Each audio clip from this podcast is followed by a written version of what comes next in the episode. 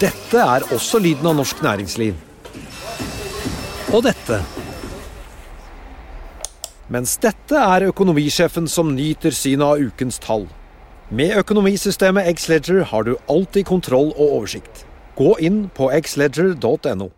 Denne sendingen er sponset av Xledger. Bedriften står foran et utfordrende veivalg, eller kanskje en krevende omstillingsprosess. Og alle snur seg til deg, som leder. Hvem kan du snu deg til da? I Nordea vet vi at også ledere trenger noen å spørre.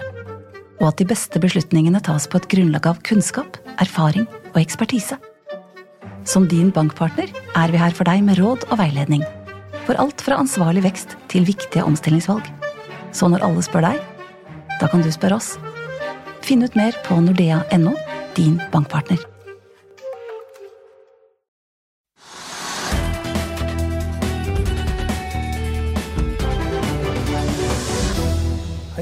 Til Økonominyhetene. I dag blir det teknisk analyse av Yara. Det blir også ja, det blir teknisk analyse av Yara. Og så skal vi til Oslo Børs, Trygve.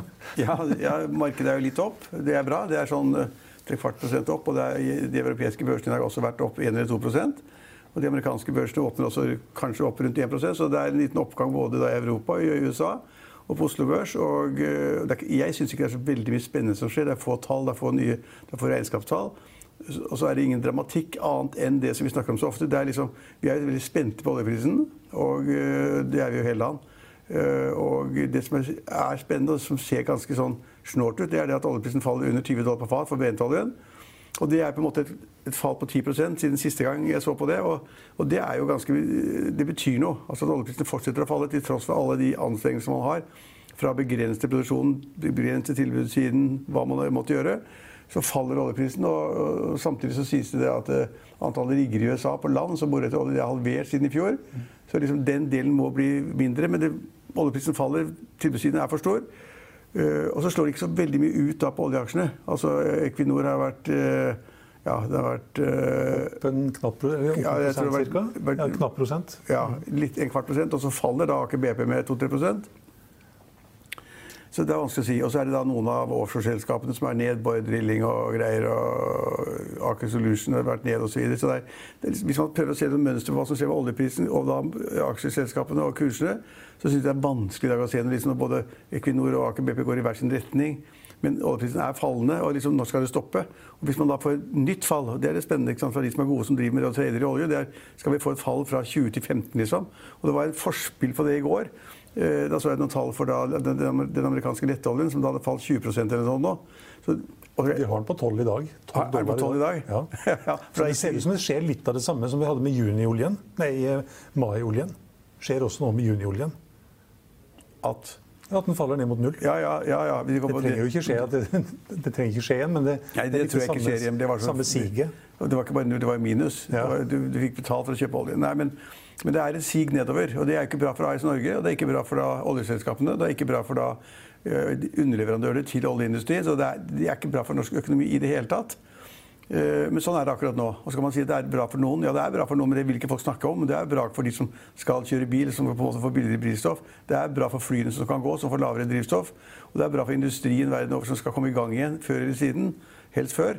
Eh, som da går, på olje, slik at det får lavere så I gamle dager så var det liksom det at det, lavere oljepris og lavere, det var veldig bra for konsumentene. Alle var glade. Det var bra for industrien, og det var bra for alt, alle som var. Og oljeselskapene ble veldig rike eh, da oljeprisene var høye, og så var de mindre rike da det falt. Men de hele tiden tjente de penger til at oljemarkedet er i uorden. Det er det, det, så, så det er kanskje vanskelig å binde oljeprisen på dagens nivå, sjøl om den er billig? fordi man vet ikke hvor lenge dette går. Nei, det kan være poeng. Flyselskapene for eksempel, kunne jo nå kanskje bundet oljeprisen, eller drivstoffprisen da, på oljepris rundt 20 dollar. Ja. Det ville jo vært kjempebra. I fem år fremover. Ja, Men de tør kanskje ikke. det tør ikke. Nei. Altså, nei. Og så er det kanskje ikke som gjør, gjøre forretning med det. fordi at det er redd for at de ikke klarer å oppfylle. For at alle flyselskapene antar man skal gå konk før eller siden. Hvis de blir stående da i uker og måneder, så, tør man ikke, så man har ikke noen motpart. da. Og hva er da verdien av motparten? Hvor mye skal du sikre deg motparten osv.? Altså mot, motpartsrisiko, som vi kaller det kjempeskummelt. Altså. Men det er klart at veldig mange kunne gjort gode dealer i dag hvis vi tok den type sjanser. Også innen skipsfart, mm. hvor man kan sikre seg hvor man, hvor man alltid gjør det. Men, men, det skjer ingenting, for det er så usikkert som du sier. Altså, en dag skal oljeprisen være 20 dollar på fat, og så skal den da falle til 10, og så skal da letteoljen falle til fra nå så den står på 12 dollar per fatet, til null eller minus. Altså, nei, det er for komplisert, og derfor er det veldig vanskelig å tolke ting ut av Oslo Børs og si at liksom, jeg ser at oljeprisen faller. Så kunne man tidligere si at det er jo bra for flyselskapene, det er bra for shipping, det er bra for industrien, det er bra for mange. Men nå er, vet man ikke hva det er bra for i det hele tatt. Og det er ikke bra for AS Norge. Det er det som er poenget, poenget mitt, at verdien av liksom, oljeproduksjonen vår blir lavere. Så det er, så det er ikke bra. Så, så, og, og, det er ikke så veldig mye annet som skjer på Oslo Børs. Ja, men vi kan jo ta med Norwegian, da. Ja, Norwegian må vi ta med. Ja. Viktig.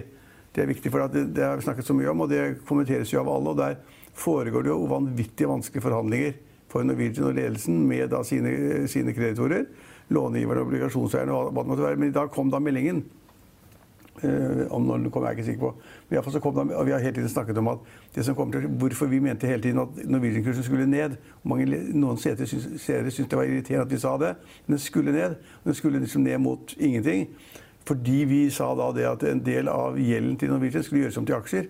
Og når man da konverterer den gjelden, enten obligasjonslån eller banklån, eller hva det måtte være, til uh, aksjer, så blir antall aksjer så enormt store at de aksjene som var fra før, de har en mindre verdi, og de blir liksom nullet ut eller blir borte i hele tåka. Og nå kom da meldingen om da at kreditorene angivelig var enige om at 85% av gjelden skulle konverteres i aksjer. Mm. Og det ligger å lånet på 150 millioner dollar. Ja, jeg tror det var all gjelden, ja, men mm. ja.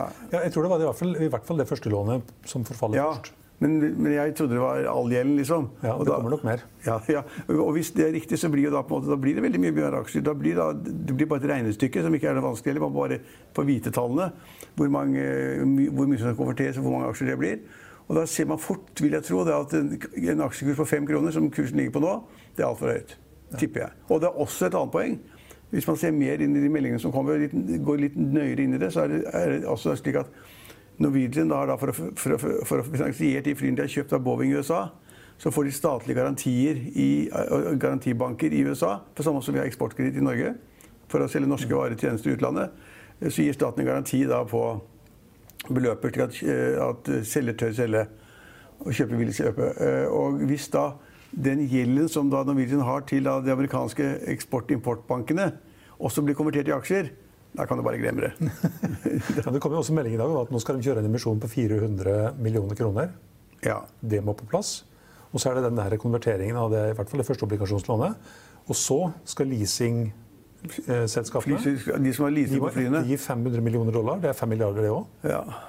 Det går ikke. Altså, det der går ikke. Og, og, og Vi får vite det 4. mai, da, for da er det generalforsamling. Ja, men hvem vil altså Hvis du hadde sittet som aksjonær i Norwegian, ville du tatt da friske penger som du har liksom lagt opp til side for barna dine og eh, huset ditt og alt sånt. Og så hadde du vært igjennom en forferdelig prosess med Norwegian. Og så vet du du vet helt sikkert at de skal konvertere masse av gjelden i aksjer, men du vet ikke hvor mange hundre millioner eller milliarder aksjer det blir. Og så skal du da gå inn ved en er ikke fjerde emisjonen på et år eller sånt? Ja, det er, ja. ja, ja. Og så skal du da ta friske penger og skal du ta inn enda flere aksjer i selskapet. Ja, det ville ikke jeg gjort. Nei, de som er aksjonærer i dag, i hvert fall sånn som det ser ut nå, da, med den uh, modellen som foreligger nå, så vil de få 5,2% av aksjene i det nye ja, selskapet. Men det blir jo ingenting, da. Jeg trodde kanskje det hadde blitt enda mindre. Men, ja, det, kanskje, ja, altså, men, men, men, det er kjempekjedelig. og det er Norwegian-kursen har falt og falt og falt nettopp for det. Og så har da de gjort alle de feilene som ikke gidder gjenta, og så har de da vært altfor mye lånefinansiert.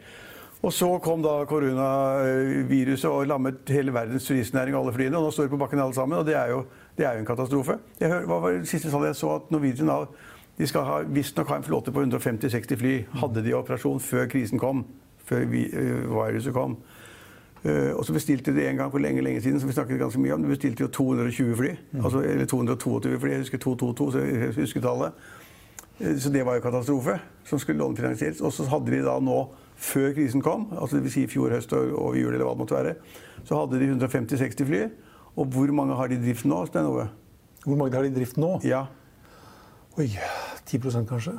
Ja, halvparten. Syv fly eller sånn. Seks-syv fly. Det er det de er i drift nå. Fra da en flåte som de var i operativ drift med, på 150-60.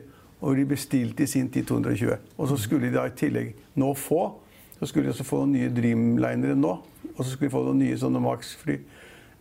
Altså det, altså, den ledelsen som kommer ut av det, som jobber døgnet rundt sannsynligvis, det er, eh, de, fortjener, de fortjener premie. Mm. Men aksjonærene kommer ikke godt ut av det. De blir reddet så mye eller så mye, eller så mye, men aksjonærene kommer ikke godt ut av dette her. Og du kan si at eh, mange lo litt av eh, Bjørn Kjos og, og hans partner Kise, som solgte og solgte aksjene hele tiden her de siste månedene. Men sannsynligvis var det ganske smart trekk å komme seg ut av dårlige kontrakter, som jeg tror de har hatt. Og det er risiko som da ble lesset på dem. Og så måtte de komme ut av med noe penger, håper jeg.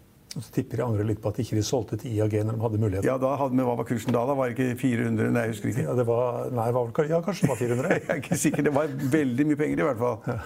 Ja. IAG kjøpte vel var det 4, millioner, eller 4 av uh, selskapet for rundt 70 kroner aksjen eller noe sånt. Nå, gjorde, de, gjorde de ikke det? Jeg husker ikke, jeg vet bare at det var en høy kurs. Og så sa, er det jo alltid slik at da man blir grådig når man sitter i den type forhandlinger. Og så sa jo alle folk at hvorfor selger ikke da Bjørn Kjos og partner blir ferdig med det, og de stiftet selskapet, gjort en kjempejobb og får masse penger. Så blir man sånn litt grådig, så sitter man i forhandlinger da med en veldig proff eier, som også eier British Airways, eh, som da kan det der gamet ut og inn. Og så, ja, så kastet de Og de hadde, de hadde jo kjøpt aksjer, som du sier. Så de var jo inne i selskapet. Nei, nei det der er ikke bra. No good. Det gikk ikke så bra for Kværner heller, som la fram kvartalstall i dag. De faller, Kværner faller 5 de, ja, Hadde de ikke dårlig topplinje og bunnlinje og alt som var da? Ja, Topplinjen var omtrent på samme nivå, faktisk. Men marginene er jo ikke der de var. Og de tar ikke inn marginene nå heller. Og de hadde vel en EBITA på minus 128 mot 129 ja, millioner i samme periode i fjor. Men hvordan skal man få gode marginer i den produksjonen som de gjør, da? De er avhengig av det. De har en ordrereserve på 7,3 milliarder. Ja, ja, men hvis marginen er så stor det er, jo, det er jo liksom, Det er litt tøft nå. Altså, altså det er som jeg pleier å si, at Når det gjelder verft, så er jeg litt, faktisk litt kunnskap om. Eh, for det er noen jeg kjenner godt, var inne i noen verft på Vestlandet. og da da husker Jeg jeg sa det at altså, hvis, det går, hvis, det går, kjempebra, alt er booming, og alle de som kjøper tjenester, vil betale hva som helst for å komme først i køen, gjøre, så tjener et verft 1 eller 2 av omsetningen. Det er margin på det. Men hvis det går dårlig, så er det, så er det konk. Mm. Ja, det, er, det er helt vanvittig. Utfallsrommet er stort. ja.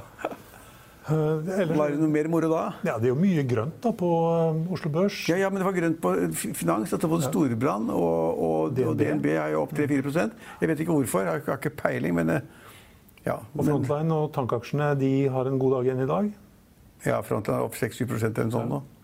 Aftenja var høyt oppe, Okeanis også gjorde det bra. Altså det, der, det, det, det scenarioet hvor da på en måte rederne bruker tankskip eller, eller, de som trader i olje, bruker tankskip for å lagre til da prisen er kommet opp, og så selger de med gevinst, det er der fortsatt.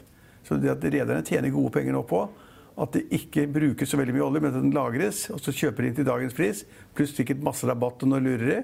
Fyller tankskipene, lar de ligge døde, og så håper de på at oljeprisen da skal hoppe fra 20 dollar på fat til 30-40 dollar på fat. Mm. De kan selge meg en fantastisk profitt. og ja, Det er det de håper på. Og det er jeg så det at uh, Herbjørn Hansson, som da også er i tank, men litt mindre tankskip enn de Very Large Cruise Carriers, han sa det at det er, nå er det bare et spørsmål om tid, så er vi gjeldfrie. aldri, aldri sett bedre rater noen gang. Nei, nei, Så da får vi tro halvparten på det, da, så er, er, ikke er det ikke så verst. Mm. Ja, jeg tror det. Hvis du får, hvis du får ja, Nå kan du kjøpe en brentolje til 20 dollar, og så i november, hvis fremtidsprisen er riktig, eller i hvert fall så kan du selge nå da, til 30. Det er 10 dollar. Mm. Du kan lagre en liten stund da. Du kan lagre en stund da, tror jeg. Og likevel tjene penger på det. Tror det. Ja, Det var vel ikke så fryktelig mye mer. Vi har noen uh, aksjer på all time high, faktisk. Gyldendal 600 kroner. Oi! Det var langt over jeg solgte det i sin tid. langt over. Context Vision også i all time high, et selskap som er innenfor kunstig intelligens, og som også er spesialister på diagnosebilder, eller i hvert fall tolkning av røntgenbilder og bilder i medisinsk sektor. Medisinsk-teknisk selskap. Og Romsdalsbanken, eller Romsdal Sparebank, tror jeg er første dag på børsen i dag. Mm -hmm. ja, for bare Gyldendal, Jeg snakket om det før. Jeg kan jo Gyldendal ganske godt. Jeg har jo eid en tredjedel en gang. Mm. Lenge siden nå, da. Men, men, men Erik Musk kontrollerte selskapet den gangen da på både åpen og skjult måte, holdt jeg på å si. Men er, han kontrollerer selskapet. Om han har 91% av selskapet eller 98 har jeg ikke peiling på. Jeg gidder jo ikke følge det selskapet nå. Men, men, jeg kan liksom ikke se hvorfor den aksjen, den aksjen kjøres opp. Altså Om det er noen som leker seg med must og plager han litt. eller han forsøker å få 100 av aksjene og må presse opp kursen for å få tak i da, de siste aksjene som gamle forfattere eller gamle etterlatenskapet Bo eller andre har sitt med. Det, det, er, det er ikke mulig å vite det. Kanskje, kanskje, noen andre, ja, som du sier, noen som vil leke med must, og som kjøper aksjer som som han får tak i? Ja, det kan godt tenkes. for Det er, det er, det er veldig få aksjer. Da. Det er veldig lavt olje. Det betyr ikke så mye. Men, men, det er litt snålt at den kursen da dyttes opp til all time high. Når Must bestemmer alt, uh, alt han skal. da. Vet du hvilken bransje som ville fått kjempegevinst i dag hvis det hadde vært børsnotert? Men det er ikke én eneste av de aktørene som er børsnotert. En bransje i dag som ville gjort det kjempebra, Ja. og så er det ingen aktører som er børsnotert. Det er ingen aktører som er børsnotert, men det er opplagt for at man skal lære sammenheng med lovene. Hvorfor som ville tjent masse penger i dag? Ha. Jeg tar ikke den for Frisørene. De har jo, de har jo køer i fordi De kommer, får ikke, slipper jo ikke til før i mai-juni. Du kan ta med fysioterapeuter òg. Ja, men de, de, klipper, de kommer til å klippe og klippe. klippe, klippe og det bare, altså Jeg har lurt meg inn et sted på lørdag. Det var liksom bare godhet, snillhet fra, Kommet inn i køen. For å komme inn. Og det er liksom, det er endeløse køer i måneder, ikke sant. Og, og, og, og det er klart, det hadde vært noe i dag. Hadde, hadde jeg da vært et sånt kjede, så hadde jeg lagt på prisen med sånn 10% i korona premium for å liksom få betalt for det. Men køene er lange, altså. Når køene er så lange, så burde du tjene mer penger. Men det er jo da ingen som har børsnoterte frisører. Men, er, men hun var nesten, hun, Nikita var ikke langt fra da. Hun prøvde å bygge en kjede med 100-120 sånne eh, frisørsalonger. Og ja, det har ikke vært så bra frem til nå, da. Har du sett på, apropos det, har du sett på de der regnestykkene du må lage for at vi skal få støtte fra staten? Den såkalte kompensasjonsordningen. Eller da, det, Nei, der har jeg ikke vært. det er ganske interessant, altså. Det er ganske romslig. Du skal liksom da få dekket 80-90% av de faste kostnadene dine. Og det er mye rart, altså. Det er mye. Den listen er ganske lang, og mesteparten er altså fornuftig. Men der har altså staten lagt inn så mye faste kostnader. Og så kan du bare sende inn eh, omsetningen, hvordan den var da i mars eh, i forhold til i fjor, mars. Og noen beregninger som du beregner om det har vært vekst i den to første månedene i fjor kontra de to første månedene i år. Og så får du kompensert for at det har vært en vekst, og da skal du liksom ta mer betalt. Og så fyller man ut. Og da fyller man ut så det griner, og så sender du inn. Og to dager etterpå har du penger på konto. Ja, og hvis ikke du har penger på konto to dager etterpå, så vet du ikke hvor det står. Nei, da vil Du får ikke noen melding om hva som skjer hvis Nei, du ikke får pengene. det er godt poeng. Det er Så kommunikasjon er ikke der. Nei, nei, nei da. Men altså, jeg tror de fleste bruker så lang tid på å ha med seg sine, sin regnskapsfører at de fyller ut det riktig, og så får de penger i løpet av et par dager. Så, så Continental og Bro- Brochmann hadde fått en million, eller sånt, og han Furseth-gruppen hadde fått et par millioner kroner. Men det gjelder bare halve mars.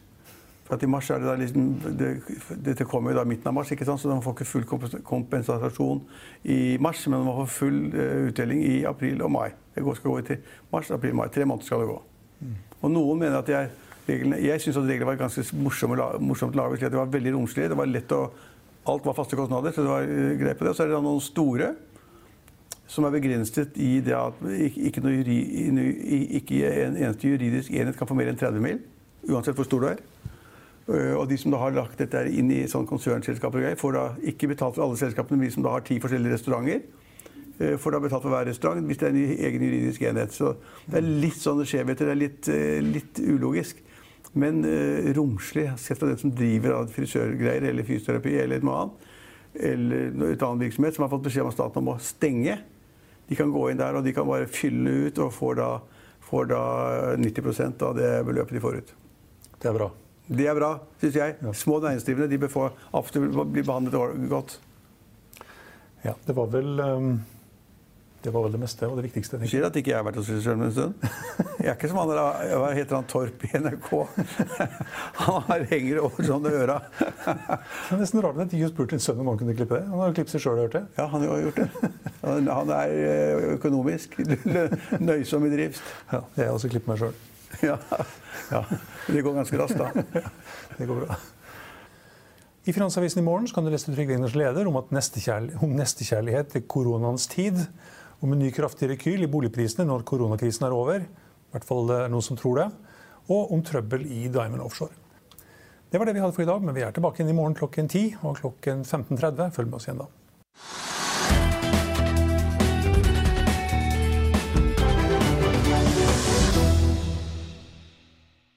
Denne sendingen er sponset av X-Leger. When you need mealtime inspiration, it's worth shopping Kroger, where you'll find over 30,000 mouthwatering choices that excite your inner foodie. And no matter what tasty choice you make, you'll enjoy our everyday low prices, plus extra ways to save, like digital coupons worth over $600 each week. You can also save up to $1 off per gallon at the pump with fuel points. More savings and more inspiring flavors make shopping Kroger worth it every time. Kroger, fresh for everyone. Fuel restrictions apply. ACAST powers the world's best podcasts. Here's a show that we recommend. The Real Housewives is a guilty pleasure for most, but if you're looking to not feel guilty about that pleasure, tune in to Everything Iconic with me, Danny Pellegrino, where I break down all the messy moments and behind the scenes antics of Bravo's popular franchise. And on Everything Iconic, I also interview celebrity guests like Kelly Ripa, Kiki Palmer, Drew Barrymore, Cameron Diaz, and more about their guilty pleasures, their past work, and so much more. So if you're pop culture obsessed and find yourself watching way too much reality TV like me, tune in to Everything Iconic with Danny Pellegrino wherever you listen to podcasts. ACAST helps creators launch, grow, and monetize their podcasts everywhere. ACAST.com.